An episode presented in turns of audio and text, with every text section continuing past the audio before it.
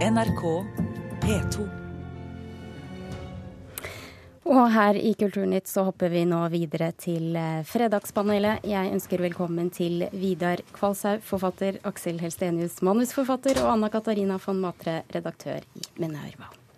Vi går rett på første tema da Safana Ali viste frem sin nyende, nye bunad Eller bunaden vet jeg ikke om den var ny, men det var i hvert fall en matchende hijab til bunaden på Facebook. Så utløste det et skred av hatmeldinger i kommentarfeltet, som endte i en politianmeldelse.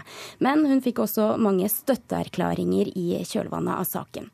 Spørsmålet vårt er vil det være en idé f.eks. For, for Husfliden eller andre produsenter nå å kaste seg over denne ideen og lage bunad-hijaber? Vidar Kvase. Ja. Aksel Helstenius. Nei. Anna Katarina von Matre. Ja. ja. Nei. Aksel Helstenius. Ja, vinner ballet. Nei, dette blir veldig personlig, men jeg er jo da prinsipielt helt uenig at noen skal pålegge noen å kle på seg noe.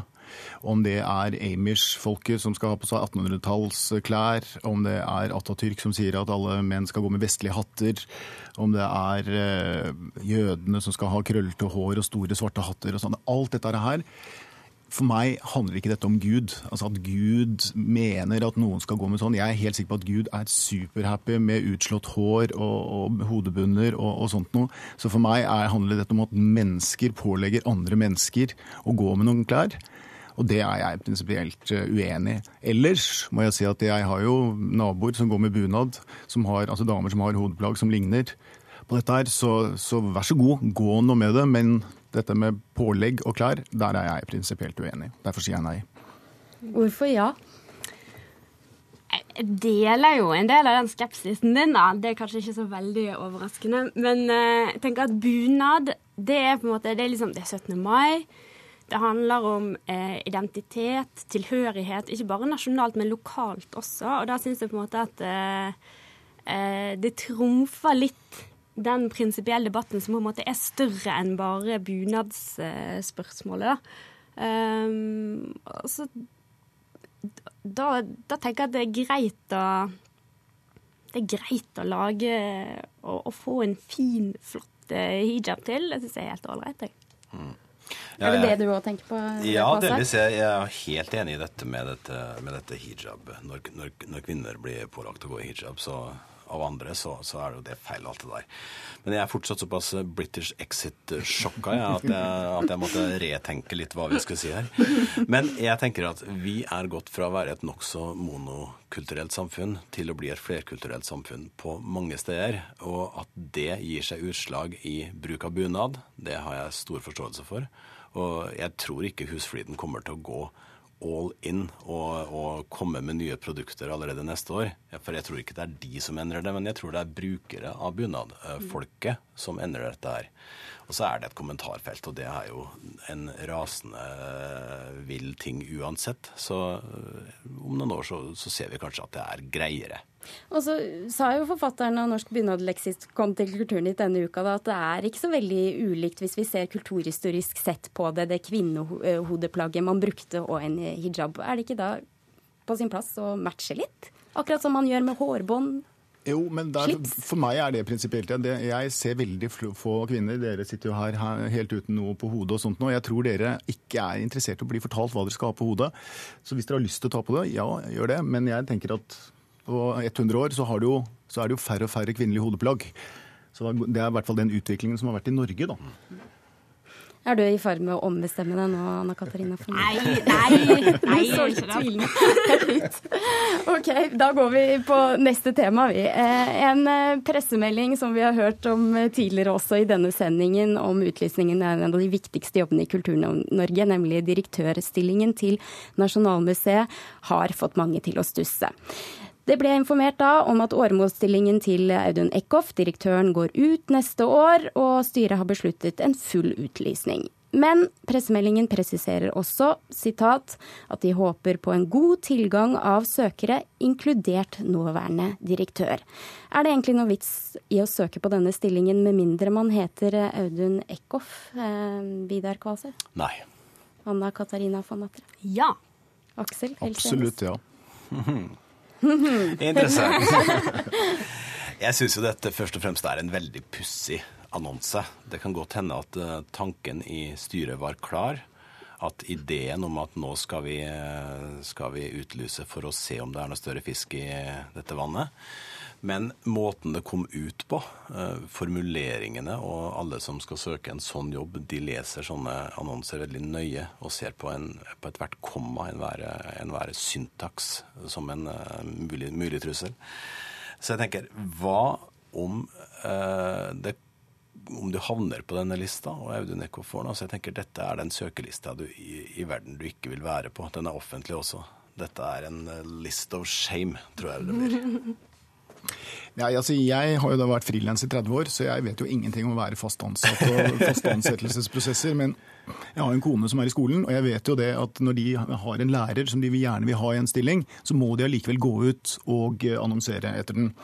Men så tenker jeg også at så skjer det jo av og til at de får inn da søkere som faktisk er enda bedre enn denne læreren som de vil ha. Og så blir det da et, eh, et skifte. Og jeg tenker at det finnes sikkert en som er enda bedre enn Audun Eckhoff eh, der ute. Og hvis hun eller han søker, så syns jeg hun skal gjøre det. Og dette er vel også noe de må. Jeg som da er helt på utsiden, jeg så jo ikke at det var noe rart i den stillingsinstruksen i det hele tatt. Jeg tror det må være årets mest motvillige eh, utlysning. Men ironisk nok så tror jeg det kan faktisk gjøre det enklere for folk å søke den stillingen, hvis han likevel kommer til å søke. Det var utrolig klønete av styret å ordlegge seg sånn. Fordi, fordi at eh, det er på en måte kjent i offentligheten nå at det er en slagside i det styret, og alle syns at dette her var ganske ganske dårlig håndtert. Men hvorfor tror dere at denne eh, formuleringen kom med på den måten det gjorde? Jeg tror nok det er sånn som du sier, at de har tenkt at de er, de er jo tross alt fornøyd med Audun Eckhoff, men de, de, må nesten lyse ut stillingen. Uh, og så har de på en måte blandet det sammen. Uh, og trodd at de var prinsipielle, sånn som de sa, men det var jo ganske lite prinsipielt å lyse ut på denne måten her. Ja, og tenk da om det skulle komme en større fisk og Audun Eckhoff skulle bli satt til side, så ville det jo være å gi ham sparken i, i en, en, en, nær ydmykende hva skal jeg si, en, på en ydmykende Men, måte. Fordi det er, jo, det er, jo, ofte sånn med åremål at enten så får du side opp, eller så blir det avslutta av styret lenge før det kommer til en, den type avisannonse og den type prosess. Ja, ok. Jeg bare sier at dette skjønner jeg ikke noe av. men nå har det, du skulle, skulle forsøke å være ansatt, Aksel. Men i Dagbladet denne uka så gikk Tone Hansen, eh, direktør ved Henny Onsdag Kunstsenter, en aktuell og kompetent kandidat ut og sa at hun ser ingen vits i å søke stillingen. Nei, så da, da har hun helt sikkert rett. Hun vet sikkert mer om dette enn meg. Men jeg tenker at det er sikkert andre som ikke er som henne, og som eh, Jeg, jeg håper i hvert fall det. Det fins mange gode kandidater der ute. Og jeg vil tro at uh, det må komme en form for presisering fra styret når de faktisk lyser ut stillingen. For det har de ikke gjort ennå. Det er jo også en uh, greie i den saken. Mm. Hva tror dere syns dere det, Audun Eckhoff? Uh, Fortsett. Vanskelig spørsmål. Jeg tenker at Når du sitter i en sånn, altså en sånn utviklingsprosess, når du skal bygge et helt nytt, eh, så svært bygg, og du har ledet det, så, så, skjønner jeg jo at man har lyst til å fortsette å gå hele veien og stå der og se det bli gjennomført og komme inn i nye former. Det skjønner jeg. Så at han har lyst på den, det forstår jeg veldig godt. Mm. Men jeg ville også forstått veldig hvis han eh, ville gjennomføre prosessen med å få dette bygget opp, og så gå ut av driften. Det vil jeg også forstå. Så det, det er mange sider her. Mm. Skal vi hoppe over til journalistene, da, for mange av dem setter eh, seg selv i sentrum og får store tragiske hendelser til å handle om dem selv. Og noen ganger så står journalistene i veien for sakene. Det sa journalist Mina Gabel Lunde om sin motivasjon for å bidra til den anonyme Twitter-kontoen Fru Hjort. Og uavhengig av hetsingen av, som har gjort av kilder og kolleger på denne Twitter-kontoen, har Mina Gabel Lunde et poeng? Nei. Nei. Ja. Fortsatt uenig. jeg er fortsatt uenig. Jeg, jeg, jeg, føler meg litt som sånn den der britiske natta som vi har vært gjennom. Det gjør det desto mer spennende. Stikk i strid. ja. Hun har jo et visst poeng. Eh, jeg har sjøl blitt hersa med i den kontoen og, og, og syns det var festlig, men jeg har sett det som virkelig ikke var noe spesielt festlig, og som var bare ondsinna og, og nedrig. Så jeg skjønner jo at saken har gått som den har gått. Det sagt, eh, hun har et poeng fordi medieverdenen har gått mer og mer mot eh, fokus på fortelleren, like mye som fortellingen. Det er, blitt, det er jo direktesending for enhver minste fjert i dag. Og det står folk der og venter og snakker og venter og snakker, og, de er talking heads. Og dette har også flytta seg litt over mer og mer til, til kommentar, eh, kommentatorene som det her har gått i all hovedsak utover. Så jeg forstår eh, litt av hva hun prøver å si, men måten det er sagt på er jo helt håpløst. Og det har jo Dagens Næringsliv agert på nå. Hvem vil? Kjør på. Ja, eh, jeg syns det er litt vanskelig å, å, skille den saken fra kritikken. Fordi synes det virker som om eh, Altså, dette ble jo presentert som litt sånn at de løftet på en måte sladderet fra bransjen ut, og så kringkastet de det. Og det var liksom det som var kult da, med denne kontoen. Um, jeg tenker at det er jo ikke spesielt kult og uh, ganske interessant. Men, men det, det preger, kritikken preges litt av det. fordi at jeg tror dette har også noe med å gjøre med at det, dette er folk som er venner på Facebook, f.eks. Det handler liksom om, om mer enn hvordan journalisten fremstår der og da i sending på TV eller i en kommentar i avisen. Men men at de legger ut bilder av seg sjøl eh, nå er jeg eh, til stede her på denne store tragiske hendelsen, f.eks., så gjør de gjerne kanskje det på Facebook. Men nå er det jo ikke sånn at hele Norges befolkning er venner med VGs kommentatorer på Facebook. Ja, da, bare, da, skal jeg skyte helt på andre siden, for jeg tenker hvem er denne fru Hjort? Jeg, jeg, har jo brukt mye tid på å tenke på det, og hun minner meg om en sånn dame med en sånn kjent uh, hytteøy.